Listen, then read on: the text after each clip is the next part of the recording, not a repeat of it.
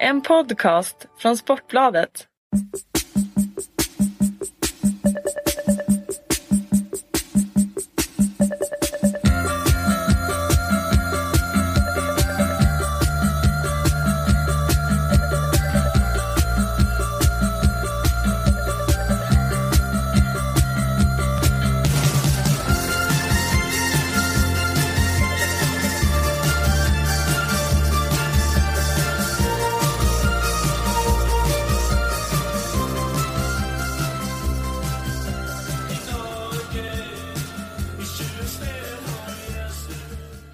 Hallo alle Leute von den ganzen Welt. Willkommen zu 51% Fußball, der Pod der Volk. Mein Name ist Oskar Månsson, ich bin der Halvdäne aus Skåne. Und du Robert Laul, du bist ein Sensationsjournalist aus Jonsered.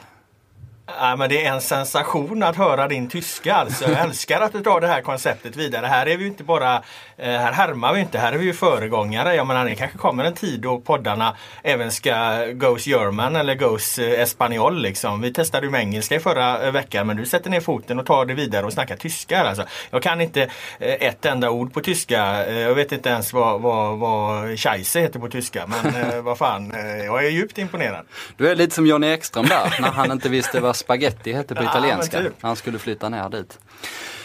Nej men eh, jag var ju lite nyfiken där på hur det gick med ditt eh, språkexperiment förra veckan då och, och tänkte spinna vidare på det. Vad, vad, vad blev det för, för pay-off eh, på det engelska Nej, experimentet? Jag skulle då? vilja säga att de allra flesta reaktioner det blev på det var väl att folk tyckte att jag var rätt risig på engelska. Och det var allt? Ja, ja det, det verkar inte, i alla fall inte som att det slog utomlands för att därifrån har jag inte fått några reaktioner. Nej. Ehm, Men däremot, för att göra en så kallad radioövergång så vet jag något annat som slog utomlands skulle man kunna säga och det är Malmö FF och det är väl vad den här eh, specialpodden ska handla om. Malmö FFs eh, fina avancemang, avancemang till Champions League. Första gången på 14 år vi har ett svenskt klubblag där. ja precis och eh, nu tänker jag, ja det passar ju faktiskt med tyska då såklart. Eh, I och med Ja, att det var. Red Bull Salzburg. Eh, så de eh, kanske tunar in eh, der podd, der folk eh, den här veckan. Vem vet? Vem vet. Eh, vi har satt ihop ett litet eh, körschema här, eh, Oskar, vad det ska handla om. Eh, vi ska givetvis gå igenom matchen på alla håll och kanter. Vi ska dissekera lottningen. Vi ska resonera lite kring när Åge Hareide egentligen blev ett geni. Vi tittar på framtiden. Vad gör Malmö med sina pengar? Vi har fått ett mail från en av våra lyssnare som, vi, som diskuterar lite hur, hur svenska klubbar ska kunna behålla sina talanger längre. Eh, vi går igenom Elfsborgs match mot Rio Ave. Ett av de värsta sätt att förlora en fotbollsmatch på som det överhuvudtaget går. Usch. Eh, allsvenska topp, toppstriden, är det slagläge för AIK och kanske Elfsborg nu när Malmö ska in och kriga i Champions League. Eh, landslagstruppen blev vi nöjda med den och eh, eh, ser vi en CL-effekt på Tele2 Arena nu när det verkar eh, bli eh, i det närmaste utsålt när eh, Malmö ska besöka Djurgården. Mm, det känns som vi kommer fylla det här snabbt ihopsatta programmet. Men jag tänkte först bara köra lite terapipodd eh, med dig för att eh, Nej, du, igen! Vad fan, jag är tillbaka på tårna nu. nej, men du kokade ju här för en minut sedan. Ja, jo, jo, jo, men det var en... eh, Det var, det har, temperaturen har sjunkit igen. Ja, men du ska i alla fall försöka sköta tekniken på den här podden och så om ni lyssnar på det så har du gjort ditt jobb då kan man säga. Ja, om det här eh, någonsin når omvärlden så, så, så har jag lyckats. Alltså, men det, det är alltså det vi lever i 2014 och det är alltså 565 olika steg för att få ut det här jävla ljudet på, på en sajt som Sportbladet. Det är ju fullständigt vansinnigt att det ska vara så jävla komplicerat. Alltså, jag instruerar mig i hälften här nu, våran Häckenredaktören. För han var tvungen att åka hem, det är fredag och så många steg så, så jag har glömt av allihopa redan i princip. Ja. Alltså det är helt otroligt att det ska vara så jävla krångligt. Prata, tryck på en knapp, tryck på en annan och så ut. Det borde inte vara mer komplicerat alltså. Ja, man kan tycka det. Vi får ju hoppas att det når omvärlden då. Med tanke på att, det är högst, eh, högst osäkert skulle jag vilja säga. jag adresserade det här programmet till Hallå alle Leute från den ganzen Welt. Ja, vad fan betyder det Ja då? men hela världen. Hej, Jaha, hej, hela hej världen. alla Ja, människor. ja, Fan. ja. Så eh, ja, vi får väl hoppas att vi, vi når ut. Ja. Eh, vi har haft ganska bra eh, lyssnarsiffror nu eh, Alltså? efter starten igen har jag noterat. Så Ja. det har, eh, Ja, det har ingen aning om. Det var goda nyheter. ja, inga, inga sensationella eh, siffror. Vi pikade där med det här avsnittet med och eh, Rydström. Ja. Då hade vi eh, 30 000 unika lyssnare Ja. på ett avsnitt. Sen hade vi ju typ 90 000 på något avsnitt innan Ja. dess också. Men det var lite fusk för då låg liksom, alltså vår podd låg lite överallt på Sportbladet. Alltså, så man, om man klickade in på en artikel så låg den där. Och då tror jag, det var ingen sån här autostart som vi ibland fuskar lite med tv-siffror. Utan man var ju tvungen att aktivt gå in på det. Men den låg som en liten blänkare längst ner. Så jag tror att många bara tryckte på den där jävla Ja, play-knappen. Så. så det var lite eh, doping. Nu ligger vi väl eh, på eh, halva eh, Rydström på de senaste avsnitten. Och Ja. eh, jag tror vi går uppåt lite grann. Så. Ja, men då tar vi ett steg till här och gör ytterligare en radioövergång då. För att om vi ska eh, kasta oss in eh, på det vi ska prata om här då givetvis eh, i första hand Malmö FFs avancemang till eh, Champions League så gjorde jag en spaning när jag kom tillbaka från den matchen och satt på redaktionen.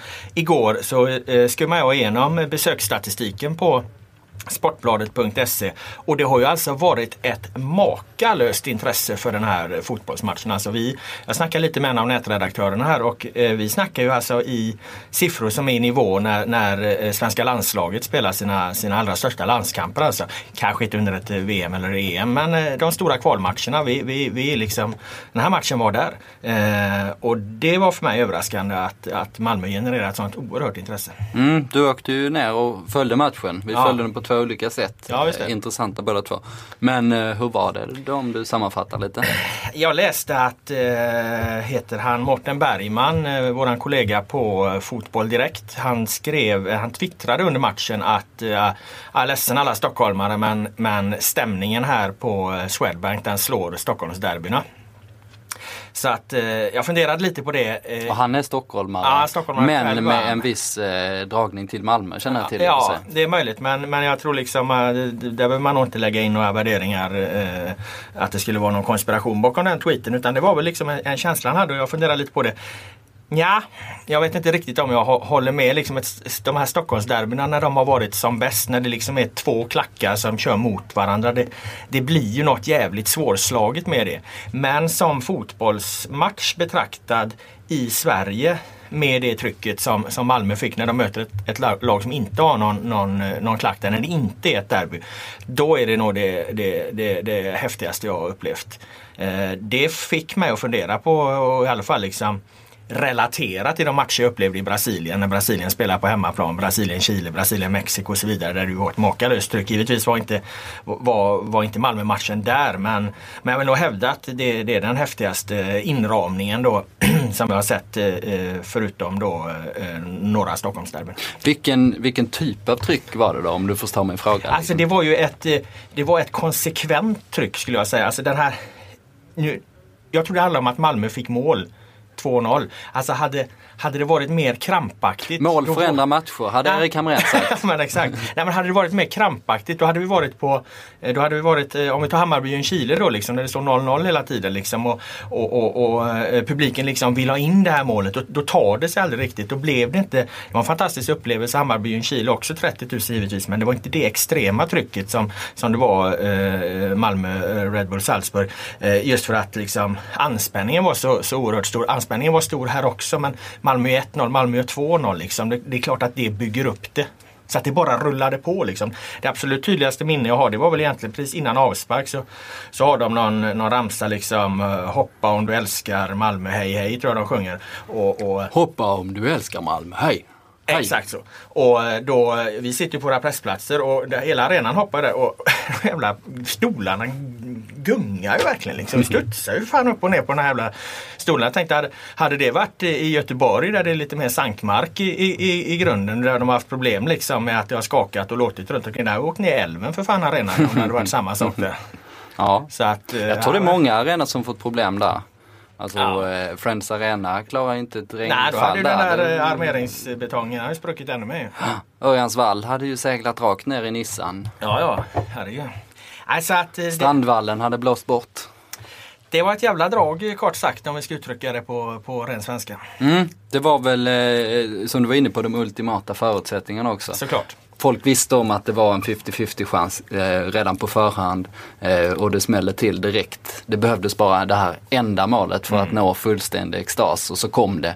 Eh, och sen så gör ju Magnus Eriksson det här helt vansinniga målet eh, där han har sinnesnärvaro nog och att få för sig skjuta från 30 meter på en, på en boll som liksom är i luften inne på kroppen på honom. Man mm. skickar iväg den liksom. Då blir det ju karnevalstämning eh, oavsett på något sätt. Och han tittar aldrig på målvakten noterade vi när Nej. vi nu satt och kollade några repriser här. Alltså han, antingen har han tittat upp innan man eh, liksom har fått se honom i bild och noterat att målvakten står långt ut.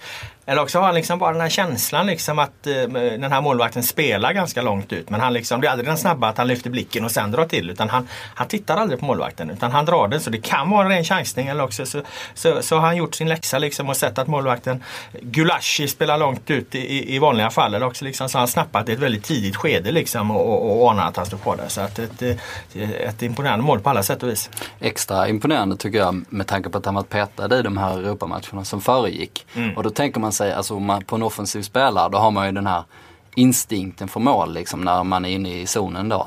Som det heter. Och den borde han ju på något sätt tappa. Mm. Alltså du vet, han borde säkerhetsspela lite liksom. Men han, eh, det fanns där någonstans. Top of mind i det läget. Eh, det, det är bilder man kommer komma ihåg. Frågan är dock om man inte nästan mer kommer att komma ihåg när eh, Marcus Rosenberg liksom kör med rollator in i, i målet där på slutet eller vad han nu sysslar med. Tar, tar fyra touch på, eh, på en halv meter innan han liksom sular in den med vänsterfoten. Han ser ju full ut nästan. På Jag skrev ju de här snabbtyck, eller jag skrev snabbtyckare om den här matchen då. Simon Bank var med också. Han tog liksom den breda penseln och, och skrev eh, efteråt. Jag satt ju och hamrade liksom under matchen. Och jag hade ju byggt upp, nej byggt upp ska jag inte säga, men jag hade en, jag hade en liten liksom eh, eh passage i texten där som handlar väldigt mycket om Magnus Eriksson Erikssons 2-0 mål att mer liksom klassiskt blir ju inte ett, ett, ett kvalmål, ett avgörande kvalmål. Det kommer vara hela sinnesbilden för den här fotbollsmatchen, det här otroliga volleyskottet. Men det fick jag ju stryka för att eh, jag fick, precis som du är inne på här, känslan av att när Rosenberg liksom leker in 3-0 där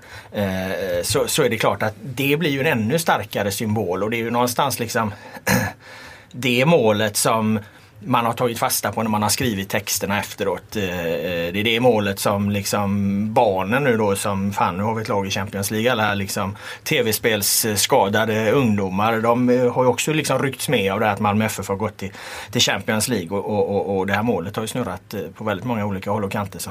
Det som ja, anledningen till att man nu kommer komma ihåg det så mycket. Det var liksom, det var någon slags comic relief liksom.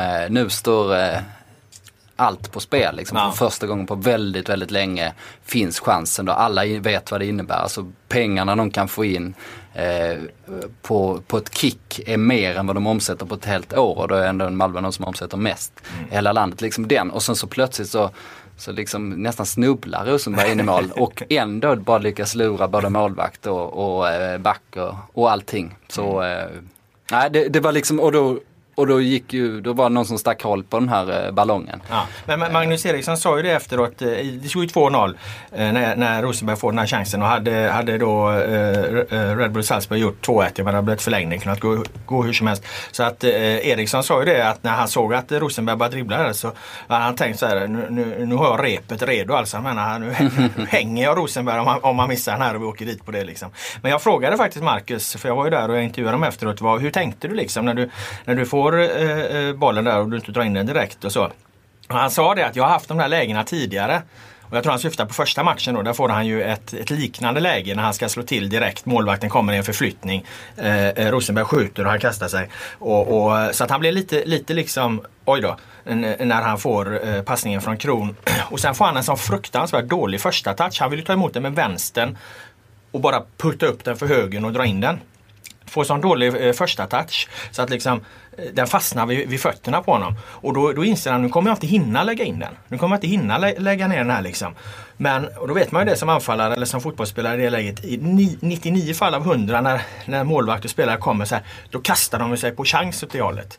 Och den liksom instinkten har han där. Och så drar han tvåfotan istället, lägger den till rätta och petar in den med tån. Mm. Ja, har... Det är väl ungefär så han själv förklarar det då. Ja. Eh, låter väl som en rimlig förklaring men jag tror också att tröttheten måste ju spela en jäkla roll. Eh, alltså för Simon Kron dundrar iväg i djupled. Marcus Rosenberg visste ju att han skulle få upp ett mål för han vet hur snabb Kron är och han visste att Kron hade sett honom. Och ändå liksom lufsade han ju fram till det här läget. Då. Ja. Han bara tänkte okej, okay, bara jag inte springer offside Liksom, jag tror att just trötthet, hade han varit alert så hade han nog bara ändå rakat in med vänsterfoten direkt. Liksom, en, en distinkt pressida. Men det är kul att tänka på det du sa där med missen där nere. Det känns som en evighet sen nu men Ja. den gode Gulashi gjorde ju två jätteräddningar på eh, Marcus Rosenbergs läge där nere. Eh, och då trodde man liksom att, eh, ja men, alltså man fick känslan direkt, det här är ju matchavgörande Ja. räddningar för att det här bortamålet då som Malmö kan få liksom och kanske få 1-1 eh, eller förlora med 2-1, kanske till och med med 3-1 då. Det, då. Då lever ju hoppet på något sätt. Eh, men ja, sen så tappar ju Gulashi den där bollen på övertid och då var oddsen annorlunda. Även om det ja, till sist blev faktiskt 4-2 till Malmö då. Eh, det av matchbilden där, eller vad som hände i själva matchen. Eh, jag är intresserad då, för det var ju så jag upplevde det, det på plats, liksom, vi var inne på, på publiken och allt så här tidigare. Hur, hur var det här på redaktionen? Eh, alltså det var ju länge sedan vi gjorde så här mycket artiklar om, om, om ett eh, svenskt klubblag. Alltså. Jag menar, jag kollade på nätet så, så var ju för fan halva sajten var ju full av det. Det var, det var ungefär som på en landskamp. Liksom. Det Ja. måste varit, eh, måste varit drag här också. Det var bättre drag än på en landskamp faktiskt tycker Ja, det var jag. Med tanke på att landslaget har varit rätt kallt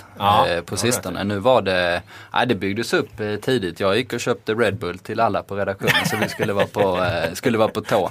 Och det var mycket debatt huruvida liksom jag jinxade eller anti-jinxade eller vad jag, vad jag nu gjorde i vart fall.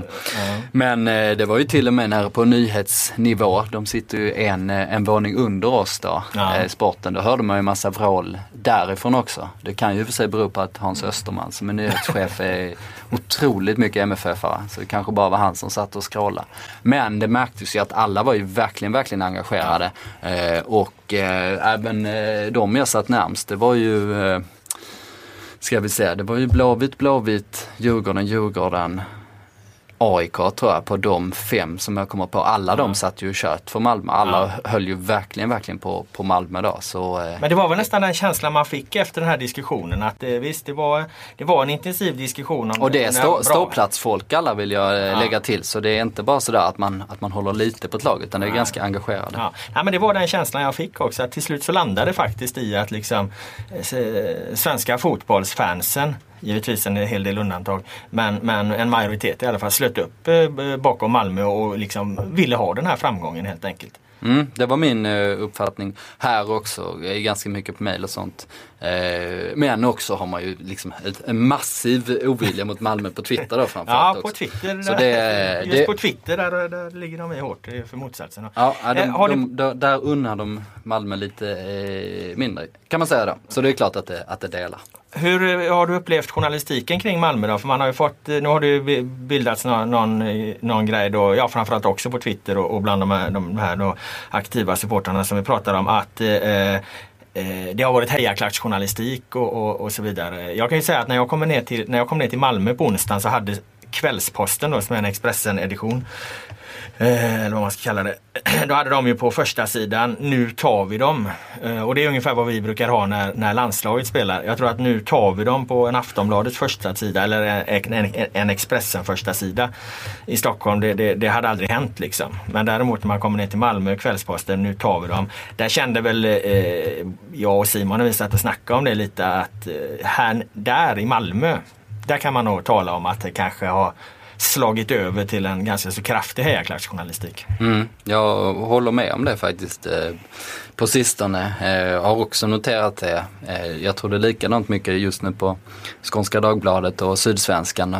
eh, Och, så, och, och Kvällsposten då som nästan varit mest där. Alltså dels de här kampanjerna också. Men även om du följer olika eh, reportrar sånt på, på Twitter och sociala medier och sånt här så märker man att eh, Alltså det retweetas vad spelarna säger, man adresserar eh, sina uppmaningar till spelarna direkt liksom. Alltså det, det närmar sig mer supporterperspektivet. Å andra sidan eh, så är inte det helt enkelt att navigera där. Alltså för att om man skriver om en person så är det många som liksom eh, plockar in den personen i sociala medier. Skriver bland annat om alltså Pontus Jansson, eh, bla bla bla, eh, så här. Eh, och då är det lite, alltså Pontus Jansson kommer ju läsa det även om man inte skriver taggar in honom. Liksom. Alltså man kan ju se det som en förlängning av debatten. Men man kan i alla fall konstatera att det har inte varit många kritiska ord om eh, Malmö FF eh, som eh, förening. Kanske, kanske därför då också som jag fick så mycket skit för att jag skrev att AIK hade den bästa truppen. Ja, då för länge sedan ja. Ja, precis. In, in, innan Marcus Rosenberg. Jag måste bara lägga till det nu. Men eh, varje gång, skitsamma. Men, men, men då kan det bli så att okej, bara, och det var inte mycket till kritik jag kommer där liksom. Det var ju bara ett, liksom ett, ett mellanskede i januari när jättemycket var, var kvar. Eh, men, eh, ja, men det är intressant att resonera kring, framförallt som du säger när man talar i vi-former då. Mm. För att de, tydligen har de ju, eller tydligen, givetvis har de ju sålt fruktansvärt mycket tidningar och haft jättemycket besök då. Mm. Eh, på den här typen av journalistik, alltså med yran, det vi brukar prata om. Folk köper ju tidningen eller går in på nätet när ditt lag har vunnit och, ja, eh, och skiter ja, det, i det när man förlorar. Det, det tycker jag man, man kan det. poängtera ytterligare en gång, alltså den eh, skillnaden. Det är ju just för att den är så återkommande den åsikten i alla sammanhang att ja, men ni skriver bara negativt, eh, eh ni lyfter bara fram det dåliga och så vidare. Men, men eh, här visar ju verkligen alltså eh, man tittar på Kvällsposten och så, alltså liksom de kommersiella incitament som finns i bakgrunden att vara så här, eh, ha den här typen av hejarklacksjournalistik, Den är exakt densamma som vi på Aftonbladet resonerar när vi följer Sverige. Liksom. Det är också Heja Sverige och, och det är ju väldigt liksom, positiv bevakning kring det om Sverige är ett mästerskap och så vidare. För att det är inom idrotten den journalistik som säljer all, allra bäst. Det är glädjejournalistiken. Det, det slår aldrig fel. Mm. Ja det märker man ju själv också. Skriver man en positiv artikel eh, om någonting eh, då, då kommer det ju få eh, hejarop det. Mm. Jag läste på det, det, det här med delningar och sånt sådana grejer. Och med sajter som Buzzfeed och eh, likat.se och vad det nu är. Liksom, att man liksom bara maximerar klicken då. Man mm. kanske går ifrån journalistik. Att det kanske är en annan typ av sidor. Det vill säga tio bilder som gör dig glad och sen så, och sen så har man tio jättefina bilder då, och sen så delas det i oändlighet. Liksom. Och den, det får ju också en effekt på eh, journalistiken. Som nu till exempel skrev jag en, en oerhört okomplicerad artikel så att Djurgården säljer väldigt mycket biljetter till matchen på söndag mot Malmö. Det kommer mm. vi komma till. Eh, och bara citera vad någon sa i ett pressmeddelande, vad deras biljettansvariga sa där och vad järnkommunernas ordförande sa. Eh, och det är ju som sagt, alltså det tog ju två minuter att skriva den. Eh, men bara för att den är så rakt igenom positivt och helt utan komplexitet, det vill säga bara pang på, så kommer det ju få jättemycket spridning och då kommer jag få någon slags goodwill-svung här också av en sån grej liksom. Medan kanske mer ordentlig journalistik eh, genererar något helt annat liksom. Så man, jag vet inte, vi kanske får hålla de journalistiska idealen ännu högre just nu kanske. Ja, jag vet, jag men jag tror att om man tar då, om man har eh, eh den eh, nära journalistiken då med, med Kvällsposten och Sydsvenskan och, och, och allt vad det heter där eh, nere i, i Malmö och sen tar man då eh, Aftonbladet och, och TT och SVT och TV4 och allt vad det kan vara liksom. Så tycker jag att där har det varit en, en, ja, men en helt normal journalistik. Problemet är ju, eller det är ju inget problem, men saken är ju att det går väldigt bra för Malmö. De gör ju något oerhört bra. Alltså blir det ju i, i, även i våra tidningar så blir det ju enbart i princip positiva eh, eh, vinklar och, och anslag och, och, artiklar och så vidare. Men vad fan ska du göra? Vad fan ska du kritisera Malmö efter de har, efter de har tryckt till Salzburg med 3-0 och gått Champions League på, på första gången på 14 år? Då gör du inte heller ditt jobb liksom. För då ger, ger du en felaktig bild. Här måste du nästan hålla något, ett, ett positivt anslag till eftersom de gör no, något väldigt bra. Det är ju att beskriva verkligheten. Sen använder inte vi ord som vi och nu tar vi dem och sånt i det här sammanhanget. Det gör ju inte, det gör inte riksmedierna. Nej. Men jag tror att eh, genom att eh, lokalmedierna gör det och att riksmedierna har ett väldigt, har ett väldigt positivt anslag. Då blir liksom helheten blir att, att det är en extrem liksom hejarklacksjournalistik på alla håll och kanter. Mm. Jag tror att det blir det allmänna intrycket. Mm, mm. Nej, och det är ju, det är verkligen det är ju helhetsintrycket som får avgöra på något ja. sätt också. För att man måste ju balansera med både och på något sätt. Mm. Precis som du säger.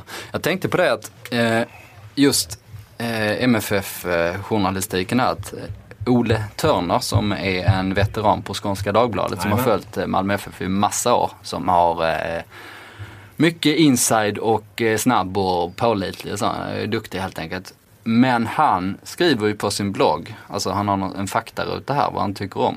Och då har han ju håller på kolon. MFF, Kirseberg, Arsenal och Brynäs.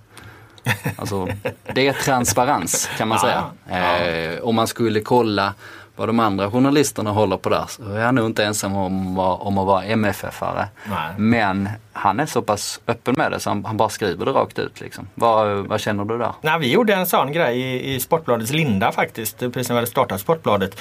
Eh, så gjorde vi en, en, ett stort uppslag, det låg kvar på nätet i många år, jag vet inte om det fortfarande eh, ligger på Sportbladets sajt faktiskt. Det här är mitt favoritlag. Så fick alla som jobbar på Sportbladet, från reportrar, krönikörer, redigerare och så vidare berätta, det här är mitt favoritlag. Eh, så att eh, det är väl inga konstigheter med det. Nej, det är kanske lika bra att vara transparent ja. som det sägs. Det är ett modeord i vår bransch också. Ja, jag kan vara väldigt transparent här och nu. Jag håller inte på Malmö FF. Nej. Så är det. Eh, varför gick Malmö FF till Champions Du ville ha ett svar från mig också. ja, men jag, jag tänkte att din, din tystnad fick mig att, att byta spår. Ja. Eh, jag, ska suga, suga, lite på den. okay. det, svaret är, det finns ett svar men det är lite, lite komplicerat eh, kan okay. man säga. Ja. Sug du på den så ställer jag en annan fråga till dig så länge. Varför gick Malmö, varför gick Malmö till Champions League egentligen? Ja, eh, ja men vi måste ju analysera taktiken då också. Ja. Eh, det skrevs ju snabbt att det var ett 5-3-2 som ja. Malmö spelade. Mm. Eh, ja, ja, det är ju en tolkning såklart. Men jag, men jag tycker inte att det var det. Utan jag tycker det var 5-1-2-2 som de spelade. En taktik som jag nästan aldrig sett innan. En rak fembackslinje som nästan till och med var centrerad. Att ytterbackarna Paconate och Anton Tinnerholm var ju ganska långt inne i planen trots mm. allt. De släppte ju till, alltså vanligtvis när man, när man backar hem eh, antingen med fyrbackslinje eller en fembackslinje är ju att man släpper tidiga inlägg mm. och sen nickar man undan i mitten. Men här kändes det som att de släppte hela korridoren. Eh, för att de visste att Salzburg tycker inte om att anfalla mm. på kanterna. Eh, de gör inte det helt enkelt. Eh, och sen där framför hade de ju eh, Ado, Ado som ja. städade och skickade iväg bollen varje gång han fick det. Ja. Sen så framför honom spelar ju eh, Emil Forsberg och Magnus Eriksson mm. i någon slags fria mittfältsroller där som mm. man inte riktigt begrep sig på. Och sen efter det hade de ju två anfallare. Mm. Så det var ju verkligen en sån taktik som de liksom placerat ut schackpjäserna enligt hur motståndaren skulle spela. För, ja. för att Red Bull Salzburg spelar exakt likadant i alla matcher, alltid. Jag vill dock inflika att, att skillnaden mellan 5-3-2 och 5-1-2-2 är mycket liten. Eller? Ja, det är det givetvis. Men, men förstår du min ja, poäng? Att de all, åtminstone, ja. om man spelar 5-3-2 så kanske man tänker sig att, att eh, mittfältarna då, de tre, att de har ungefär samma roller. Liksom. men, det, men det var lite annorlunda. Ja, men jag ger dig rätt på den analysen för att, eh, och det här framgick nog inte i TV lika tydligt, men bilden på plats då när du har hela helplansperspektivet så här, det var att eh, eh, Ado blev i vissa perioder så blev han ju rätt ensam där inne liksom. Han som du säger fick undan mycket bollar men han var jävligt ofta ganska så ensam där också i, i just den, den ytan. Va? Och ibland hade han, det, hade han det jobbigt där. Sen räddade de upp det eftersom de, de liksom, det var en armé till bakom honom och det fanns inte så mycket utrymme att göra något för Red Bull där. Men, men han, han hängde inte riktigt ihop med de andra två. Det tolkade jag och, och vi där eh, lite först som, att, eh, som ett problem för Malmö. Men det visade sig i slutändan att det vart det inte. Mm.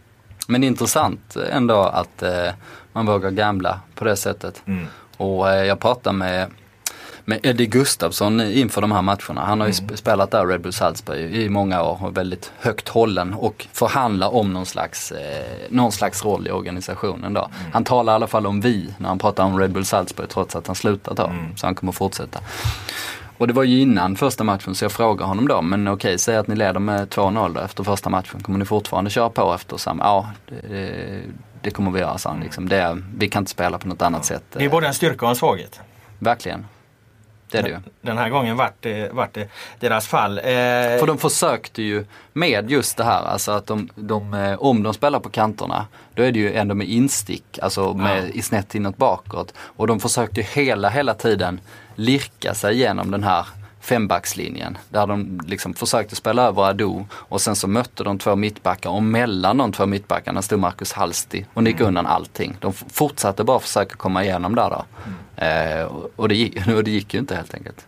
Om jag då, eh, jag ställde frågan till dig eh, varför Malmö egentligen gick till, till Champions League den här gången. Jag skulle säga att det finns eh, en, eh, en avgörande skillnad eh, och eh, i motsats då till eh, Lasse Lagerbäck som efter det första mötet eh, satte via studion och fullständigt dömde ut närkampsspel och försvarsspel. Så tycker jag att det har ju ofta svenska eh, lag i grunden om de verkligen fokuserar på det. Jag tycker Malmö visade nu mot i andra mötet att de, de hade ju ett jävla bra försvarsspel. De släppte ut till en målchans på hela första halvlek exempelvis. Eh, om det berodde på fembackslinjen och den här nya taktiken eller om jag menar liksom svenska spelare eller svenska lag ska vi väl säga. De, de, de har någonstans organisationen, eh, har fått med sig den sedan väldigt tidigt eftersom det Helt har inte pendeln svängt. Det är fortfarande ett ganska stort eh, fokus liksom på organisation, försvarsspel i i ungdomslag och så vidare. Eh, eh, men här har ju Malmö också, de har jag vet inte om vi ska säga att de har tre internationella klassspelare framåt. Det är, det är väl lite att ta i. Men Marcus Rosenberg är det ju definitivt. Även om han eh, har fått mycket skit genom sin karriär så han, ju, han har ju gjort de erfarenheterna och lärdomarna och i perioder också varit bra utomlands. Så han, han är ju en internationell klassspelare när han är på sin topp. Sen är ju Magnus Eriksson på väg dit om han fortsätter utvecklas. Han är inte där ännu men han skulle kunna bli. Så mycket har han i sig. Och du har eh, eh Isak Kiese då som jag var väldigt imponerad av som vinner oerhört mycket dueller i luften och har den här storleken som, som är så värdefull eh, eh för lag på alla nivåer egentligen. Jag menar varför, varför hur fan hamnade Eero Markkanen i, i, Real Madrids andra lag förvisso men var, varför tog de just Eero Markkanen? Det är klart för att han, han, har, han har den storleken och, och någonstans kanske en teknik som går att ut, utveckla. Liksom. Thelin har också storleken, stark, spänsten, rörlig, mycket imponerande framförallt första halvlek innan, innan han försvinner då även om han liksom inte inte var så het framför målet och så här i, i de avgörande situationerna. Eh, det är inte så jäkla många svenska lag som har haft så, så, så bra, så bra liksom, i straffområdesspelare eller offensiva spelare när, när de väl har bränt till och de ska kvala till de här Champions League. Jag menar kolla på vilka, vilka gjorde det sena? Elfsborg till exempel. De är inte i närheten av att ha de spetsspelarna framåt. Vad har de då? Prodell liksom. Mm. Den bästa spelaren i Malmö i straffområdet sitter på bänken också för han är inte i formen. Agon Mehmeti, Mehmeti ja. är ju den skickligaste ja, straffområdesspelaren. Ja. Magnus Eriksson, jag tror inte han har så mycket mer att hämta ändå. Han är ju väldigt duktig i Allsvenskan givetvis men jag, men jag tror han är lite för begränsad i sin fysik och, och snabbhet och så.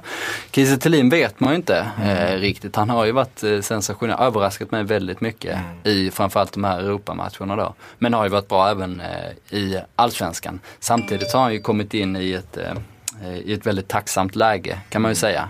Alltså de har spelat med två anfallare och det är där han ska spela och det är ett fungerande lag som, som, han, har, som han har kommit in i. Men eh, ja. Om Malmö inte redan har fått det så tror jag att de kommer få det antingen innan fönstret bommar igen eller till nästa fönster så får de ett bud på en 2-3 miljoner euro från någon klubb som vill köpa Thelin. Det, det, vågar jag, det vågar jag nästan sätta min eh, 69 kronors keps från ICA Maxi som jag har på mig här nu. Jag tror det var Johan Orenius som eh, jobbar på Offside mm. som twittrade om det.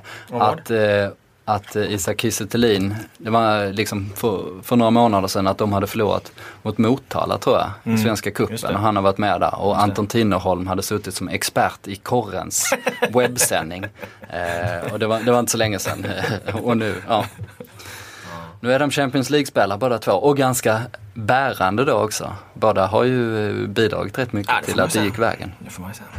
Eh, ska vi lämna matchen med det och titta på det som hände dagen efter matchen. Då var det ju en eh, lottning här, en Champions League-lottning då. Det var lite ovanligt att sitta och följa den där lottningen. Där brukar man annars sitta och titta på liksom hur blir eh, supergrupperna överlag och var hamnar Zlatan? Nu fick man liksom, nu var ju fokus svängt liksom. Nu, hamnade, nu handlar det om var hamnar Malmö FF? Mm. Och det var faktiskt så att nu precis innan vi gick in i den här studion, jag var, jag var med i en, en webb-tv-sändning då. Eh, från igår. Eh. Berömd av våran chefredaktör i ett internmail som gick ut i morse noterar jag. såg tyvärr inte era, din sändning där då men du måste gjort ett helvetes intryck på chefredaktören för han plockade ja. upp det. Nej jag var fantastisk faktiskt. ja, det var du va? Nej det var väl mest, eh, vi stod väl där och, och skojade lite om, okay. alltså vad, vad, ska du säga inför liksom, ja jag tror nog Benfica hamnar i grupp C här. Jag tror han drar den bollen som ligger där. Lite så. Vi skojar i och för sig med han eh, den skallige italienaren Infantino som alltid eh, anklagas för att dra varma och kalla bollar. Så det var kanske det som folk tyckte var, var roligt. Ja. Eh, det var i alla fall så att, att Jan Helin uppmärksammar just den webbsändningen och det är ganska ovanligt för han brukar liksom gå förbi sporten väldigt snabbt i de här alla mejlen. Det ja. brukar inte vara så mycket fokus på det utan det är liksom långa berättelser om hur nyhetsredaktionen kör, om hur nyheterna har stora granskningsprojekt. Och sporten sen är det alltid, ja och snart är det hockey-VM då. Sportbladet kommer att göra en jättebra, så att, alltså ofta brukar det vara så. Men det var ju på grund av att det var så mycket intresse och det var så mycket tittare på den här sändningen. Den låg väl väldigt rätt då vid, vid klockan 16 när folk gick hem från, från jobbet. Eh, men det stärker den bilden vi har att det här är ju någonting som verkligen har, Ja, det är ju har gått hem. nationell angelägenhet på alla sätt och vis. Så var det. Eh, men lottningen då. Ja. Eh, vi var väl lite besvikna då eh, i studion då direkt. Och du tog inte helt oväntat den andra, den diametralt motsatta ståndpunkten i din krönika. Ja, men det var egentligen En drömlottning skrev du. Det var egentligen inget eh, eh, planerat eh, överhuvudtaget men eh, jag hade lite mer tid på mig då att fundera kring det här eh, än vad ni har som måste liksom skjuta på uppstuds. Så att jag satt och funderade lite och tittade och så. Jag menar, jag bygger ju det här, eh, jag tror inte att Mal- Malmö har någon större chans att eh, gå vidare i Champions League. Alltså ta, bli ett eller två oavsett vilken jävla grupp de hade hamnat i. Eh, och den inställningen eh, vet jag att eh, och tränaren Åge Hareide hade också. Liksom, utan han, liksom, det, det, det viktiga för Malmö och det viktiga när jag också försöker analysera det objektivt det är någonstans att, att hamna i en grupp där du kan ta en tredjeplats. Eh, för att om du tar en tredjeplats då går du in i Europa League 16-delsfinalen och får spela internationellt eh, även till våren. Va? Vilket ju är en fantastiskt bra start på säsongen att gå in i. När börjar det? Börjar mitten av februari någon gång. Va? Eh, och, och, och, och få börja med det liksom. Och, jag menar om man ska se utveckling och, och, och allt det här så är det ju klockrent och det är liksom någonstans det är det perspektivet jag tycker att man ska hålla. Jag vill inte bara, bara liksom prata om att ja men nu kommer de och de storklubbarna till Malmö och så vidare. Jag menar här, här, måste vi ändå hålla det sportsliga i fokus liksom. Och, och, och ur det perspektivet så tycker jag att det var den näst bästa gruppen de kunde hamnat i. Kanske till och med den bästa. Det beror på lite hur man ser det där. Det är klart att det hade, det hade varit det hade varit fantastiskt på många sätt om de hade hamnat i den här grupp Z nu då med, med liksom Barcelona, PSG, Ajax eh, och Malmö om det hade blivit Malmö där. För att där hade de ju också haft chans på, på tredjeplatsen plus att Zlatan hade kommit hem till, till Malmö och spelat där och Malmö hade fått möta liksom Barcelona av alla jävla lag liksom. Men eh, rent sportsligt så, så har de ändå likvärdiga chanser här skulle jag säga att ta den här tredjeplatsen. Eh, eh, möjligen lite mindre men på många andra sätt så, så är den väldigt positiv. Alltså jag, jag förstod ju på fansen, liksom här bortafansen som, eller eh, fansen som är beredda att åka på bortamatcher och så. De tyckte det här var klockrena resor. Alltså där har du en grej som är positiv. Det här är bra lag liksom och, och, och, och göra utbyten. Men jag vet att när Djurgården mötte eh, Juventus vid något tillfälle så liksom var, var Juventus väldigt eh, inbjudande och, och, och, och eh, Djurgården kunde lära sig mycket av hur de jobbar med olika saker och så. Förhoppningsvis kan Malmö med de här Det har ju då liksom gått väldigt bra för Djurgården sen dess också. Ja men på den tiden gick det hyfsat. Men, eh, men, nej, men alltså, det, det finns många olika liksom, aspekter på den här lottningen som gör att den är, är väldigt bra. Och återigen om vi får återvända till Åge Hareide då. Eh, så hade han ju inför, han hade, han hade en, ett önskelag ur tredje sidningsgruppen och det var just Olympiakos. För att det är ett lag som man tror att Malmö kan besegra. Eh, och eh, jag menar han hade nog inte sagt det om, om, om han inte tyckte det. Nej, det låter ju som att han har fått ungefär som han vill då. Ja. Eh, men den här tredje gruppen, man ska komma ihåg hur svår den är också. Ja, ja. Eh, när jag och Patrik Sjögren då, och kollegan när vi stod där och, och spekulerade i studion igår, då kom vi fram till att att Ajax kanske var det lättaste laget från grupp 3. Ja. Eh, som är lite sämre sitt rykte just nu då. Ja, men det Eh, kanske hade, det var jag sa, det kanske hade varit den absolut bästa lottningen ändå. Jag vet inte. Det, det, det, är, den, det är grupp Z eller, eller den där grupp A då som de hamnar i. Liksom. Det, är väl, det, det var de drömlottningsgrupper jag kunde se. Liksom. Ja, Olympiakos gick vidare från gruppspelet i fjol. Eh, vann hemma mot eh, Manchester United med 2-0 i åttondelen. Ja. Torskar då till sist med 3-2 men det säger ändå vilken klass det är. Och, och, eh, det, Och nu har de Jimmy Durmaz. nu har de Jimmy Durmaz också ja. Eh, och eh, frågan är om han platsar egentligen. De har ju till exempel Afelai där, Ja. holländska spelaren, som, som ytter som man ska konkurrera med då. Och ganska många bra eh, mittfältare Men överlag. vad fan Olympiakos, de har 33-årig Saviola på topp. Honom plockar Halsti bort utan bekymmer. Det, det är jag inte orolig för. Nej, där är de lite tunna. De hade Kostas Mitrog, Mitroglou. Mitroglycerin som han kallas. Han gjorde en jäkla massa mål i ligan Ja. och eh, i eh, Champions League också. Eh, men Fulham plockar honom så de är, de är faktiskt lite tunna eh, där. Men jag tänkte bara Alltså anledningen till att jag var missnöjd med gruppen det är liksom, okej okay, den gången när du till sist kommer med i Champions League, mm. då vill man ju bara, man vill ju ha ett maxlag liksom. Mm. Det får man ju nästan säkert. Okej, okay, nu blev det eh, Juventus som har dominerat den italienska fotbollen ganska stort på slutet. Och Atletico som vann hela liga och ja. var ett övertidsmål från att vinna hela Champions League. Men liksom om man bara ska ta eh, liksom, vad gemene man tycker så hade det ju varit coolt att ha liksom eh, Real Madrid. Barcelona, Bayern eller... Ja. eller, jag, vill inte blanda, eller, jag vill inte blanda in det perspektivet för mycket för det går emot min liksom, bild av fotbollen. Jag ja. tror att de här matcherna, de här lagen, de, de, de är tillräckligt liksom, intressanta för de som verkligen gillar och, och, och fotboll och, eh, och även stora hos den breda allmänheten någonstans. Vad fan, eh, eh, fjolårsfinalisterna i, i Champions League och, och, Juventus, ett klassiskt lag. Jag tror att det räcker liksom. Jo, men det, jag men... säger som Anton Tinnerholm, han vill inte ha PSG, det är ett jävla köpelag. Men det är ju, eh, nej herregud, det är liksom eh, subtiliteter vi pratar om ja, här. Liksom. Men ändå, alltså jag hade velat ha liksom eh, Real där så att man möter Cristiano Ronaldo och när folk snackar om det. Mm. Alltså när AIK mötte Barcelona och eh, när Bojan Novakovic gjorde chippen. Då var det liksom, eh, ja men det var odödligt i samma sekund som man gjorde det. Ja, ja. Det kanske inte varit det om man gjort det mot Atletico Madrid, även om Atletico Madrid var lika bra just då. Liksom, om du förstår vad jag menar. Ja, liksom. ja Novakovic eh, chiplob där, den plockas ju fortfarande upp på, på, från Youtube på fester man hamnar på. Så att jag menar det Ganska kul med det målet också om ni noterat det att apropå Rosenberg där att han liksom fumlar in bollen mer eller mindre. Eh, Nebo tar emot den passningen utanför straffområdet. Eh, felvänd och liksom den studsar på smalbenet på honom först och bara dör. Och sen vänder han sig om och sen lobbar han. Så det är oerhört tafflig mottagning innan han gör det här fullständigt eh, briljanta. Men det gör ju nästan målet bara ännu, ännu mer kult på något sätt. Mm.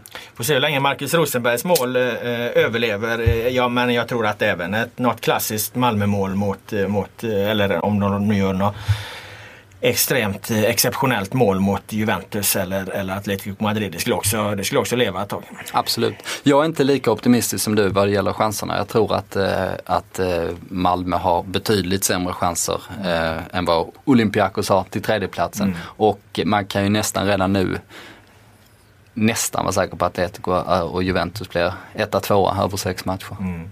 Det var ingen jävel som trodde att Costa Rica skulle gå till kvartsfinal i, i, i VM heller och, och vara en straffläggning från eh, semi. Nej men det är ju lite så Harrisburg eh, argumentering. liksom. Man kan ju alltid säga så. Liksom. Eh, jag ger dem väldigt, väldigt eh, liten chans. Men eh, det är, Även till en tredjeplats. Det är ju faktiskt så att de har eh, ett geni till eh, fotbollstränare. Det är väl den allmänna bilden av eh, norrmannen Åge Hareide. Min fråga till dig Oskar Månsson är när fan blev Åge Hareide ett geni?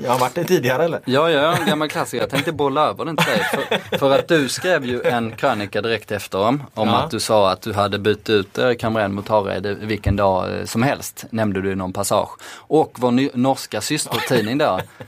det här är en sinnessjuk historia måste jag säga. VG toppar hela sajten med... Hela dagen? Ja kräver att Hareide tar över svenska landslaget. De gangstrar till din krönika lite och sen berättar de att, att, eh, att den rutinerade reportern eh, Robert Laul tyckte då att han skulle vara det. Så de ringde upp Hareide och sånt och, och frågade vad han tyckte Jag tror till och med att han träffade honom på, på, eh, på Swedbank dagen efter det. Jag tror de åkte dit liksom ja, okay. och satt ner med honom.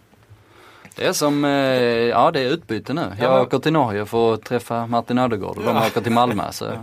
Men jag har en intressant teori där för att jag har ju i min journalistiska karriär då eh, lanserat två, om vi nu får säga att jag lanserade Hareide då, eh, vilket jag egentligen inte gjorde. Jag sa bara att får jag välja, eller skrev får jag välja liksom, så tycker jag att Hareide skulle vara mycket, mycket bättre förbundskapten eh, för Sverige än vad Erik Hamrén är. Det var ungefär vad jag, vad jag nämnde i någon utgång där. Men eh, eh okej, okay, låt säga då att jag har lyft fram Hareide som en, en, en ersättare. Den, den, den tränare jag definitivt har under en tid velat se istället för Hamrén. Det var ju eh, Per-Mattias Högmo då. Det drog jag verkligen en lans för att jag tyckte det här skulle vara intressant att testa efter eh, Sveriges misslyckade VM-kval där då. Men då hade han ju precis tagit Norge i den vevan så att det där hade man fått förbereda mycket längre så det blev svårt. Då, men det har jag gjort. Men då landade vi i alla fall på två norrmän då som, som jag tyckt kan vara bättre än, än Hamrén. Eh, och då var det någon, fick jag någon reaktion. Varför lyfter du alla dessa norrmän? Och då fick jag ju fundera lite. Men kan det inte vara så här då att eh, eh, jag menar norsk fotboll de har ju i princip enbart fått fram träben här de senaste 30 åren. Förutom nu, nu när den här liksom den norske Messi, denna Martin Ödegård, eh, din gode vän, denna 15-åriga supertalang. Men innan, helt, helt, sjuk måste jag lägga till. Det, det är det sjukaste jag sett i talangväg alltså. Ja. Det, believe the hype säger jag bara. Ja. Jäklar alltså. Ja. Men ja. det är i alla fall det de har fått fram här då de senaste 30 åren om vi eh, skarvar lite. eh, och det ställer ju enorma krav på tränarna. Mm. Där måste ju tränarna, de måste ju verkligen trolla med knäna. De har ju fått liksom slita oerhört ont för att eh, ja, men, kunna bedriva en konkurrenskraftig fotboll överhuvudtaget. Och titta på de senaste vad är det, 15 åren så, så, så, så har väl inte Norge varit i ett mästerskap och, och, och de var det i två stycken där på 90-talet när, när Drillo var i som bäst form. Eh, så att jag tror att liksom de norska tränarna står, det finns, det finns några där som, som ligger på en lite högre nivå än svenska just nu. Jag tror att man kan hitta något i de norska, hos de norska tränarna. Man får slita oerhört, oerhört hårt för liksom att få ut något av sin fotboll med ett så begränsat spelarmaterial som de hela tiden har haft. Ja, kanske. Norge var ju faktiskt rankade nummer ett i världen där, 94 eller någon, ja. någonstans där efter att de vunnit kvalen. Jag vet inte hur de fick ihop det där rankingmässigt. Eh, men Ja, det var Nej. helt galet. Nu, var... nu är de rankade typ 55. Ja, men, men det var ju när Drillo stod på sin topp liksom, bara en sån sak. Ja, det var det. Eh, men alla i Norge är inte övertygade om Åge Hareides storhet. Nej. Ehm, kan jag nämna. Uh, skjuta in där Ronny Daila också, Strömsgodset-coachen som har tagit över Celtic. Eh, som förhandlar med Malmö in i det sista och det var väldigt, väldigt nära har mm. jag liksom eh, hört. Eh, sen har det inte gått så bra. Ytterligare norrman Ytterligare, som har fått eh, slita hårt eh, för att få ordning på norsk fotboll. Mm. Men nu avbröt jag mig själv här. Alla är inte lika förtjusta i Hareide idag. Han var ju i Viking Stavanger här i tre säsonger mm. och ledde dem till mittenplaceringar i tippeligan då. Varje år. Och Tonje Sten som är en tv-journalist från Stavanger som jag följer på Twitter och hon följer mig hon skrev, ska vi säga den 9 januari är det här. Om Hareide lyckas i Malmö ska jag spisa skoene mina, svömma över Atlanterhavet och köpa en häst. borde vi haft, eh, borde vi ha ringt upp för fan. Hon borde varit med här. Ja, den har blivit en liten viral succé nu har jag ah, noterat i vårt eh, grannland. Det, det, det förtjänar han ju definitivt. Nej men det var ju därför inledde så här liksom. Eh, när blev han egentligen ett geni? För att han har ju, han, han har ju, det är ju inte bara den här matchen.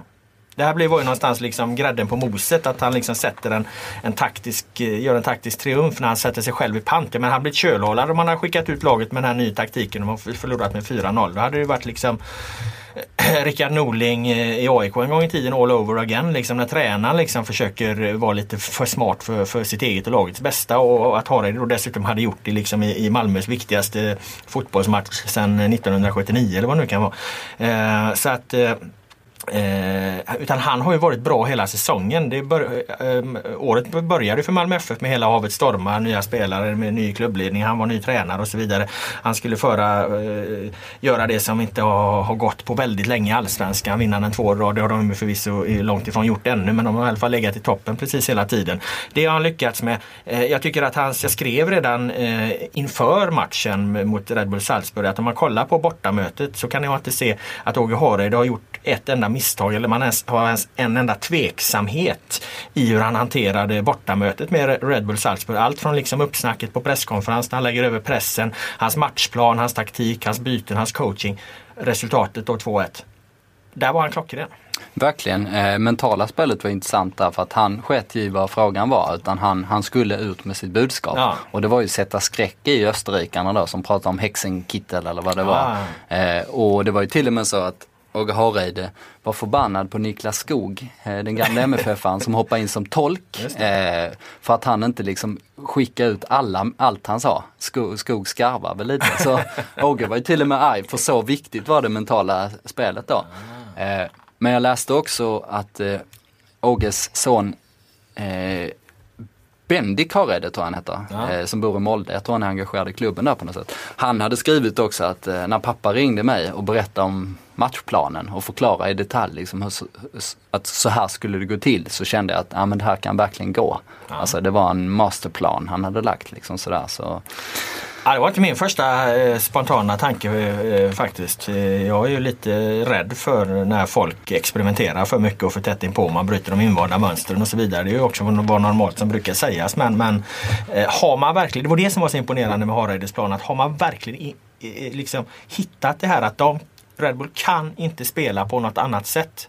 Jag lovar, han bankade in det budskapet till spelarna i matchen någon gång när jag, förstod, när jag pratade med Rosenberg och de här eh, eh, efteråt. Att gör vi så här nu så det kommer bli bra för de kan inte göra på något annat sätt. Och Rosenberg sa ju det, han var så lugn vid straffen efter 10 minuter. Han, skulle slå den här straffen. ja, du syns ju verkligen. Han, ja. han ler, ler ju faktiskt, Ja. nästan skrattar innan bollen går in. Jag frågade det, vad, hur, hur tänkte du? Liksom? Nej, men jag var, jag var rätt lugn. Jag hade redan känt då att fan vi hade dem. Liksom.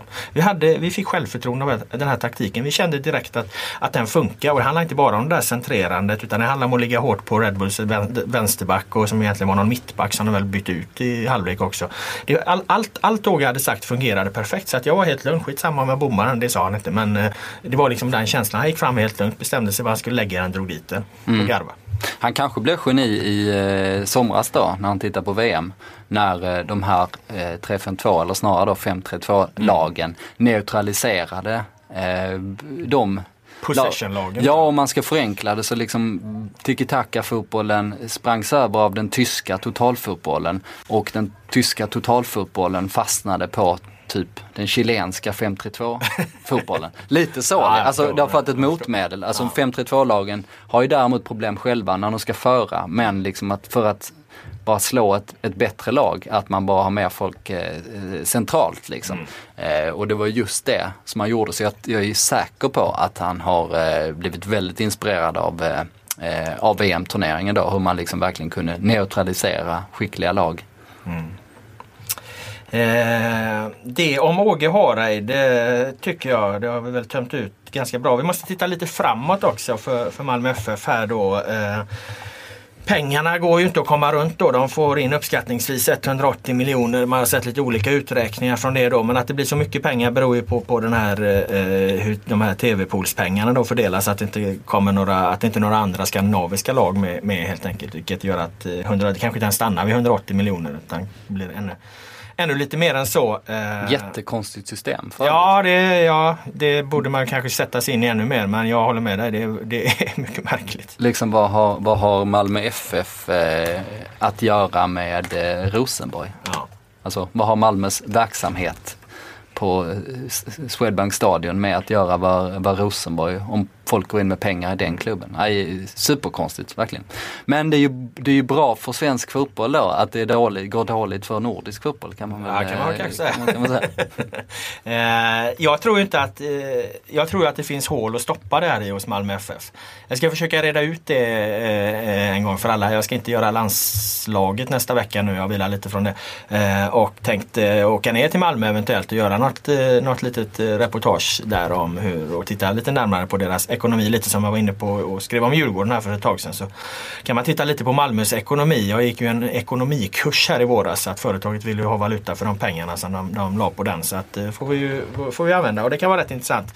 Var Det det, pratas- var, det, var det en dyr ekonomikurs du gick på? Eh, nej, jag vet inte om den var så jävla dyr men det var en kurs i alla fall. Jag missade i och för sig, det var sex kurstillfällen och jag var bara där på två. Så att, eh, men jag snappade upp ett och annat på de två gångerna. Jag var nog fan bara där en gång. För ja, skitsamma. Eh, det behöver du inte säga till chefen. Men, eh, Too cool for school. Ja, exakt. Nej men eh, i alla fall. Eh, det pratas ju om eh, 350 miljoner i, i eh, eh, skulder till exempel. Alltså inte kortfristiga skulder då utan, eh, ja vad ska vi förenkla det med, men att eh, i, i samband med arenan och, och, och, och så här va.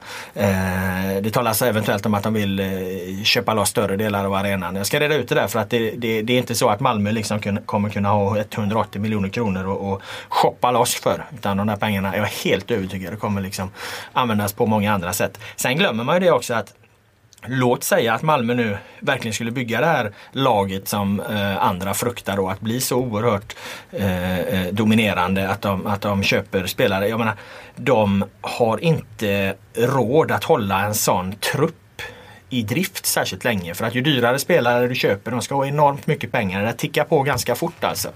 Eh, och Även om Malmö FF investerar en stor del av de här pengarna i sin spelartrupp så kommer de ändå inte ha jättestora chanser att gå till Champions League nästa år och, och dra in eh, lika mycket pengar igen. Så Nej. att, eh, jag, jag tror inte att, att de bygger ett, ett, liksom ett internationellt storlag på att gå till Champions League en gång. Vi diskuterade lite, här, eller igår var det ju såklart, med, med några stycken här av oss fotbollsreportrar. Ja. I procent då, vi liksom förutsatte att den här säsongen hade Malmö kanske 10% chans att kvala in till Champions League. Ja. Och skulle de liksom maxa då allt vad de kan med att, att köpa loss allsvenska storspelare då.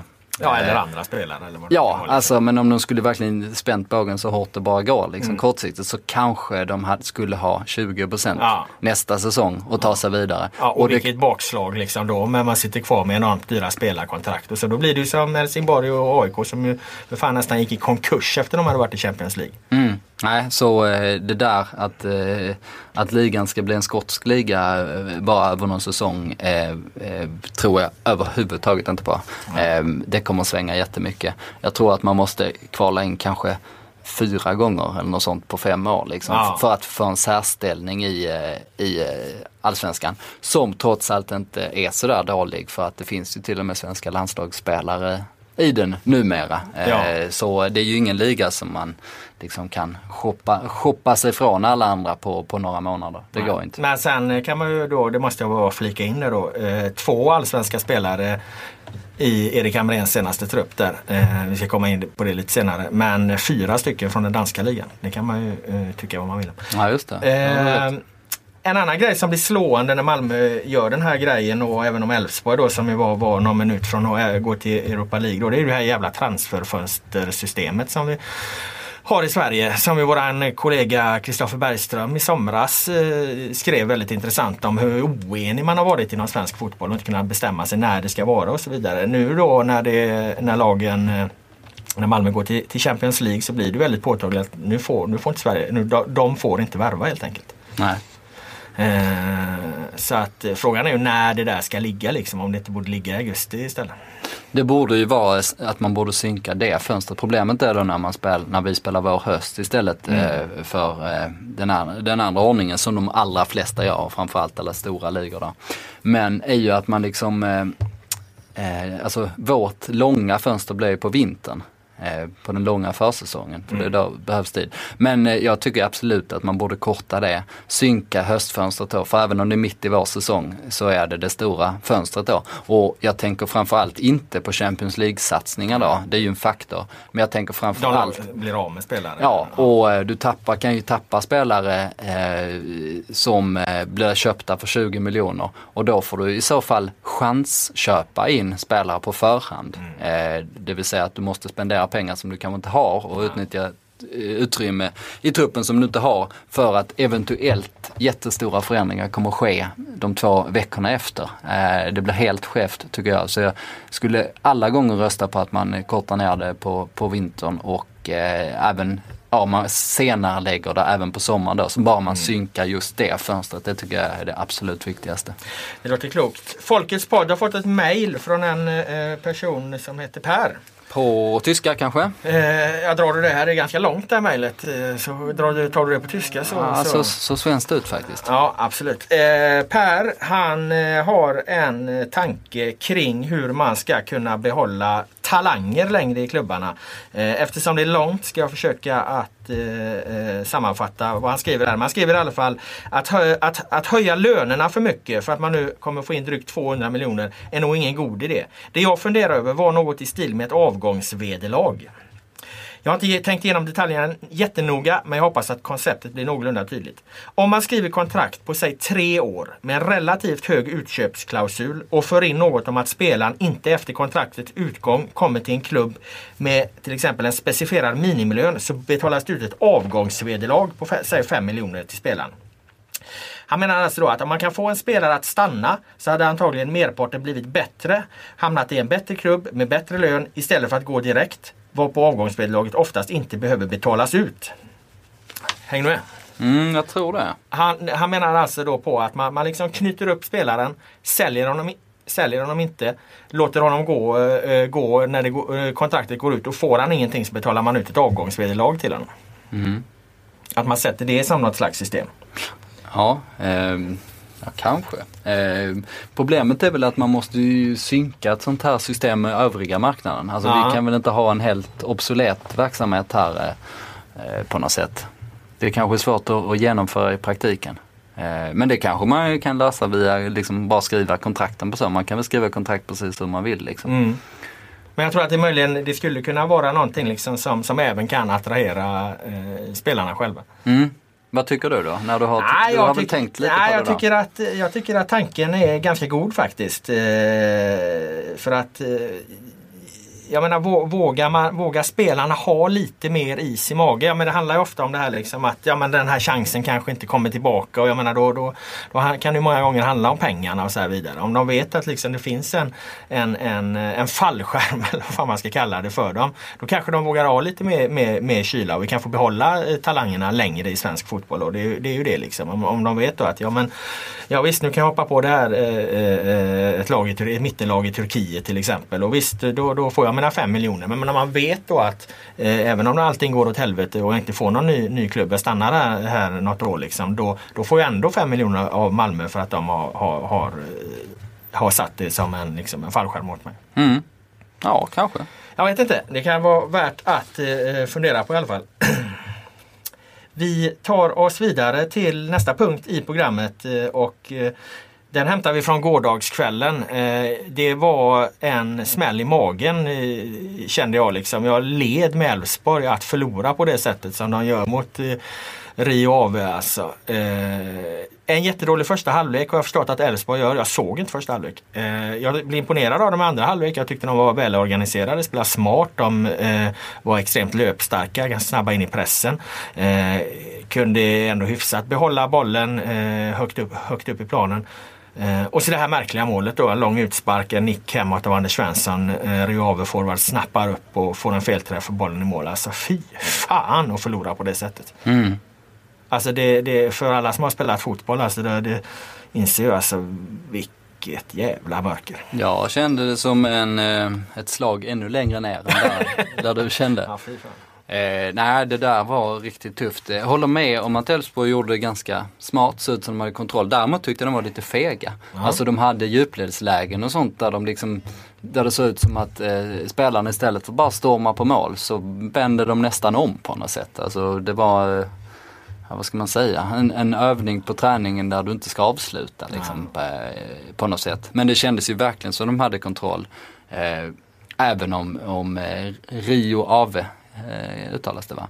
Även om de hade en del chanser och, och Kevin Sture Ellegard eh, räddade bland annat en nick så här 89 minuten eller 88. Men Elfsborg hade också chanser. De hade ju bollen i insida stolpe där Ja, frisparken. Mikael och- Bäckman drog Ja. en, eh, en frispark i stolpen där ja. Och eh, några chanser till. Men eh, fruktansvärd eh, eh, prolog på det hela då. Jag vet inte hur många miljoner som stod på spel när deras målvakt skickar iväg bollen. Det var lite snack om att det eventuellt skulle vara indirekt frispark också. Eh, det tror jag, tror jag inte att det var. i Ja, du menar han Nej, men han greppar ju inte bollen va? Utan Nej. han stöter den med handen, den åker utanför straffområdet, han petar tillbaka den med foten och tar upp den. Det, är ungefär, det måste väl vara jämförbart med om, du skjuter ett skott, målvakten räddar den utan att greppa, bollen är på marken och målvakten sen plockar upp den igen. Ja, ja, Så att, precis. eh, det tror jag inte var några bekymmer med. Nej, det var det inte. Det var bara så allmänna reaktioner där liksom. Okej. Och det var lite dis- diskussioner om det nu skulle varit i- Ah. frispark istället. Men han skickar iväg bollen då. Den, det är inte så att Anders Svensson nickar utan han får den i huvudet. Ja, den det glider mellan försvararna och den här anfallaren som jag glömt vad han heter. Missar ju givetvis avslutet så Ja. att det blir perfekt långsamt, Ja, för han tar ju för kung och fosterland där va, och vill liksom skicka in den på kraft. Va? Här får det bära eller brista tänker han. Och så träffar han bollen, eh, ja halvt missar bollen liksom. Han, han fick väl ungefär 20% träff. hade han fått 50% träff hade han också missat. Alltså Ja, det ja, var ja. så mycket var han tvungen att missa bollen för att få den till vänster om eh, Ellegard. Och eh, nej, man, man lider ju med Elfsborg verkligen där. Men du gör bedömningen att Anders Svensson inte försöker nicka hem den till eh, målvakten utan att han mer eller mindre får bollen i skallen eller? Ja, jag tycker det. Han går upp, försöker gå upp i duellen, eh, tappar lite orienteringen och den mer eller mindre bara dimper ner. Liksom. Jag hade tänkt att vi eventuellt skulle hängt Anders Svensson här då men då gör vi inte det. Nej, eller vi och vi, det står dig fritt. Nej, jag tänkte att alltså, vad, vad han hade gjort annorlunda i den situationen så hade det varit bättre. Det varit bättre att han tog ner bollen med händerna, stoppade in den innanför shortsen och liksom sprang in i omklädningsrummet med den. Det hade varit bättre, bättre agerande. Det hade varit oerhört mycket bättre. Då hade han dessutom konkurrerat ut Al-Hassan Kamara som årets svenska YouTube-succé. Ja, eller hur? Då hade han fått skit för det istället ifall de hade vridit in frisparken dock. Men... Ja. Eh, nej men då hänger vi inte Svensson för den då. Eh, men det var, ju, det var ju tungt. Och det var lite synd också för att fan då hade vi fått Malmö FF i Champions League, Elfsborg i Europa League, AIK med ett eh, liksom extremt bra slagläge när både Malmö och Elfsborg liksom ska ska föra tvåfrontskrig och du hade fått en, en, en allsvenska där jag hade liksom funderat på hur fan formulerar vi oss allsvenskan Goes Ebba Grön liksom 800 grader liksom den här, mm. den här slutstriden. Eh, jag tycker fortfarande den blir ganska eh, het om vi då ska leda in, leda in på vårt kommande ämne här den allsvenska toppstriden nu vad, vad som händer med den efter det här men det har varit ännu tyngre för svensk fotboll på alla sätt och vis. Som, nu hade vi haft Elfsborg då i Europa League och Elfsborg hade gjort det igen liksom och sen hade du haft den allsvenska toppstriden striden på det där, där liksom AIK eh, befinner sig mitt emellan två lag som ska föra tvåfrontskrig. Alltså, det har kunnat bli ett jävla drag alltså. Mm. Ja, det var ju synd på det sättet. Ja det var det ju. Ehm, ja det hade varit spännande AIK-läge där som mm. sagt. De är ju sju, sju poäng efter Malmö. Ja. Nio omgångar kvar. Ja. Så eh, statistiskt är det inga problem att, att hämta in det där. Eh, problemet är ju bara att Malmö har varit klart bäst den här säsongen. Att det, liksom, det är ett faktum. Malmö har ju dessutom roterat mycket mm. eh, och ändå liksom, eh, lyckats plocka tillräckligt mycket poäng. Men var hamnar fokus då när du har Champions League-gruppspel på ena handen liksom och allsvenskan på den andra? Nej, jag tror det spelar stor roll. Ja. Eh, jag vet, eh, många slåss ju mot det där. Andreas Alm till exempel Eh, var ju jätteirriterad, eh, eller spelade, upprörd eller vad han nu gjorde. Han ville i alla fall få flytta fokus när de skulle möta Astana där i sin eh, kvalmatch till Europa League. Eh, att det liksom, det ger så mycket energi, mer mm. energi än det tar. Eh, men jag tror det är tvärtom. Jag tror givetvis att det ger energi men det är klart att det sliter och det finns väldigt, väldigt, väldigt tydliga statistiska samband mellan hur mycket poäng du tar om du har två dagars vila eller om du har tre dagars vila eller fyra dagars vila. Mm. Eh, det är Simon Banks favorittes eh, som han ofta framhåller. Men det mm. finns liksom gedigen forskning på, på det här som visar att det är ett faktum helt enkelt att, att du, eh, du tar mer poäng om du, om du vilar mer. Sen har de väl ingen jättebred trupp Malmö FF om man tittar liksom framförallt bakåt. Då, fan, det, det, på den här matchen mot Red Bull hade de ju en, en försvarsspelare på på avbytarbänken. Nu var ju Ricardinho skadad och sen så eh, Concha finns väl någonstans där i bakgrunden också. Men det var ju bara Johan Hammar som var defensiv spelare som satt på bänken där. Och jag menar ska de, eh, ska de, eh, ska de ta ett race här nu liksom på, på alla håll och kanter då och eh, dessutom eh, jag tror att, jag tror att AIK jag tror att det väcks någonting i AIK av att Malmö FF har gått till Champions League. Alltså, det ser man inte minst på reaktioner från deras supportrar men också liksom hos spelarna. Alltså, hade jag varit en AIK-spelare nu då hade jag känt att nu jävlar ska vi äta upp det här för, försprånget en gång för alla. Alltså. Mm. Och kanske framförallt hos Elfsborg då. Som förvisso är 10 poäng efter Malmö, Malmö FF men att förlora på det där fruktansvärda sättet. Att, eh, kan de om, om, omvandla det där liksom till, till, till, till någon form av positivt eh, revanschbränsle då, då, då kan det nog bli åka av därifrån också. För det finns ju en, en hög grundkvalitet även i Elfsborg. Ja, fast jag tycker inte de eh, känns som någon seriös titelutmanare ändå. Jag har svårt att säga att de har den riktiga mm. tyngden för det. De är inte färdiga på det sättet. Nej. så jag, jag, jag, skulle nog vilja räkna bort dem från, mm. från guldstriden redan nu faktiskt. Mm. Eller redan nu, det är väl inte superdjärvt i och Om de ligger 10 poäng efter. efter. Men eh, ja, hur som helst. Eh, vi satt ju här senast med eh, eh, landslagstruppen. Vi snackade om den innan den var uttagen. Sen åkte du dit och eh, hämtade hem eh, Hergota, Forsberg, Bahoui bland annat som liksom så här, spelare som man blev lite, ja men det var lite kul ändå. Mm, de känns som att de är värda sina chanser och eh, Eh, Hergota gjorde hattrick nu också ja. i, deras kvalmatch. Eh, de, eh, Mönchengladbach vann med 6-0 mm. tror jag det blev. Eh, Oskar Wendt var inte med, konstigt. Nej. Han har väl ändå varit ordinarie hela för säsongen mm. i, i eh, Mönchengladbach. Jag tror han fortfarande är bränd av den här Ungern-matchen som han hade. Mm där Erik Niva skrev att det var den sämsta insatsen han sett av en svensk landslagsspelare någonsin. Och Anders Svensson. Tror jag, jag tror till och med det var så pass hårt. Det, ja. var, det var en generalsågning. Ja. Och Anders Svensson sen här nu bara för något halvår sedan gick ut i om det var någon podd med Olof Lund där och menar på att, eh, att den här eh, att Wendt blev den stora syndabocken där var ju inte riktigt rätt för att eh, vad heter han Svensson menar på att det var ju liksom Majstorovic gjorde ännu större fel. Han var rätt frispråkig där faktiskt i den här, i den här podden och han sågade ju Hamrens agerande och Hamren hanterade Wendt när det blev den här stora eh, kritikstormen mot honom och att han inte fick komma tillbaka. Och, eller att han var petad nästa match och, och så vidare. Anders menar att han skulle ha spelat nästa match. Så att Hamrén bygger inte långsiktigt liksom utan de här kortsiktiga liksom, omkastningarna Hamrén gör de, de skadar laget mer än de tillför. Mm. Och det är en analys som jag delar. Jag har, ja. har inte alla eh, jag har inte full insyn såklart men det känns ju väldigt konstigt som han har hanterat eh, många mm. spelare där. Och den här osäkerheten det måste skapa att en av dem var i elvan, andra dagen var utanför hela truppen. Ja. är ju är konstigt ja. tycker jag. Speciellt i det läget och de skulle dessutom möta ett, eh, vad fan hade de efter eh, den här Ungern-matchen? Det var väl det var väl någon... San Marino. Ja, för det, var en jävla, det var en perfekt match för, för liksom Wendt att studsa tillbaka till liksom och visa att fan jag tror på det. Vad alla andra säger. Speciellt om den riktiga analysen faktiskt inte var att det här var Wendts fel till så hög utsträckning som det liksom framstod. Utan att det faktiskt var Majstorovic som var, stod på hälarna där. Mm. Vid målen. I alla men, fall, eh, nej, men jag måste bara säga det ja. om, om eh, landslagstruppen. Där. Ja, vi blir glada för de här tre då. Eh, men när, vi, när det blåses till spel här nu på vad den här Tappelstadion i, i Wien mot Österrike i första EM-kval. Kvalet. Apropå Hamrén där, eh, när Sverige mötte Österrike senast ja. så träffade jag honom för en intervju. Eh, det var ju strax innan de skulle eh, åka ner där. Eller det var inte precis innan men jag intervjuade honom i alla fall och sen så eh, pratade vi om det där så sa jag just det då är det väl hans Tappelstadion ni ska spela på där, där nere. Liksom så. Ja det vet jag faktiskt inte, sa han. okay.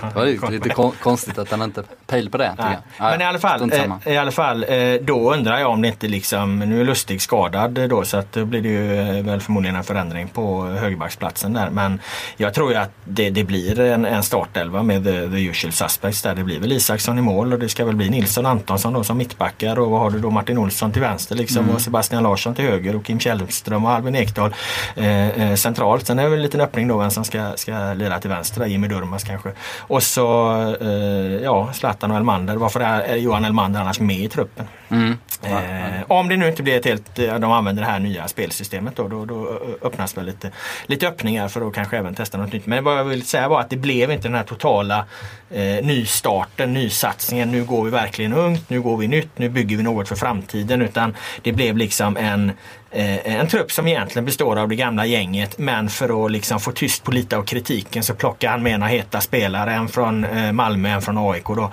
Eh, så blir det inget tjafs därifrån i alla fall och, och, och, och sen så kör han väl på som vanligt. Jag tror, eller jag tycker att truppen var ganska bra det stora hela och jag, mm. tror inte, jag tror inte det är populismen som gör att han tagit ut de här spelarna utan han har, han har nog följt dem under mm. en eh, lång tid. Även om man ibland kanske kan falla för opinioner och sånt så tror jag bara att att det är liksom en, en genuin laguttagning på det sättet.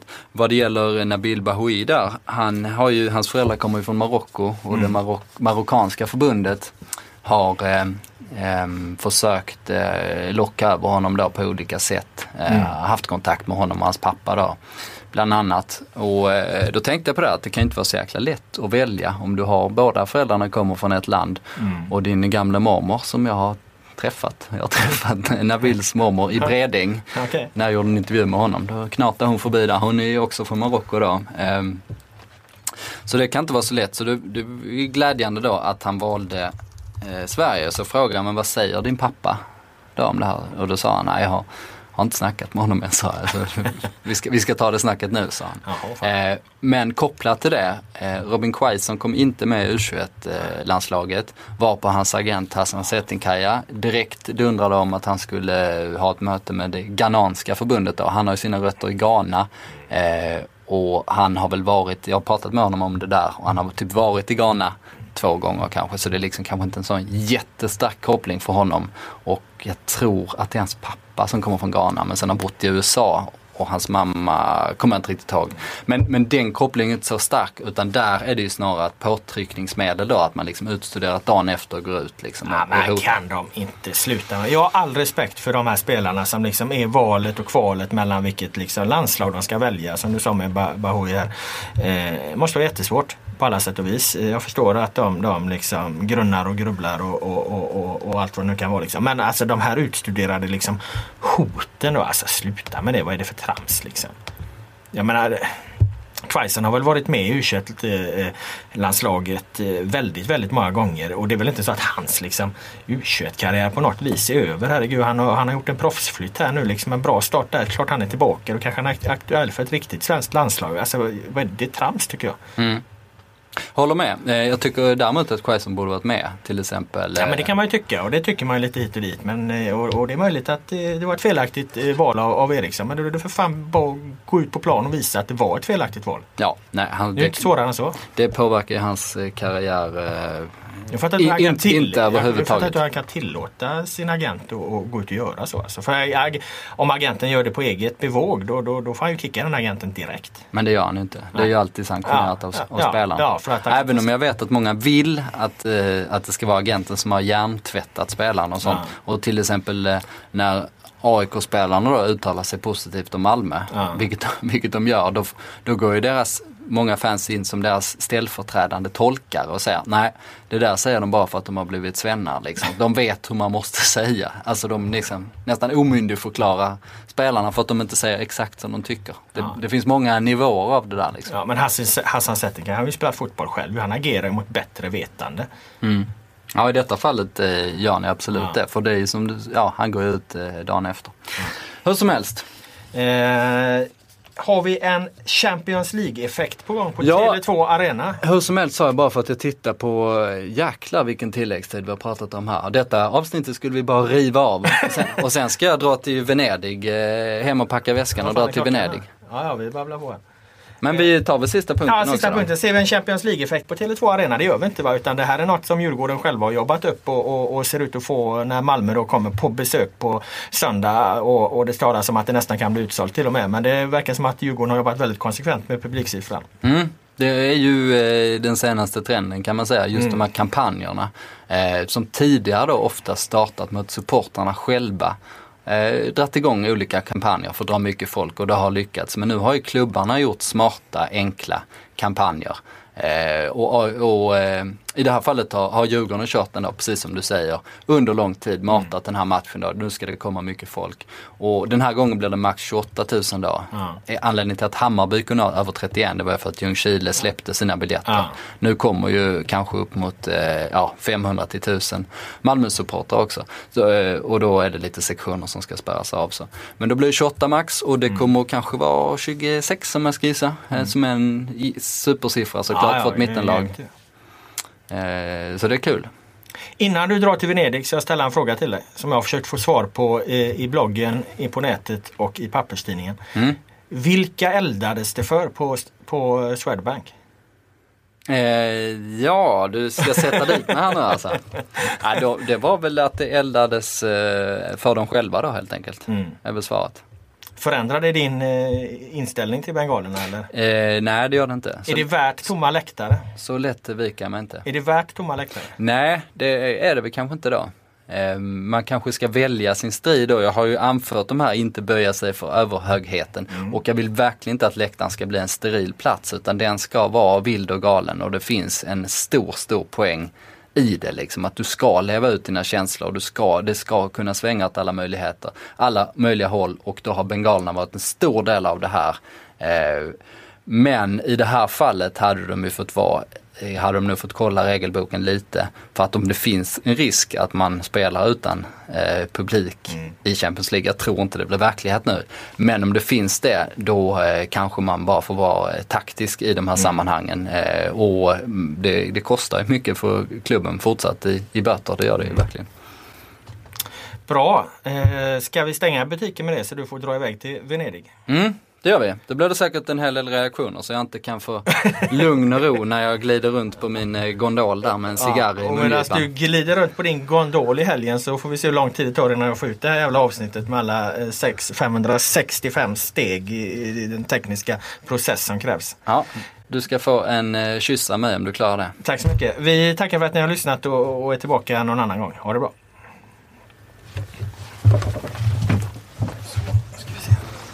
Mm, då är det pausen där. Paus är det nu första. Ja. Fan är paus? Ja, du är väldigt, nä- du är väldigt nära den jag. Där är paus.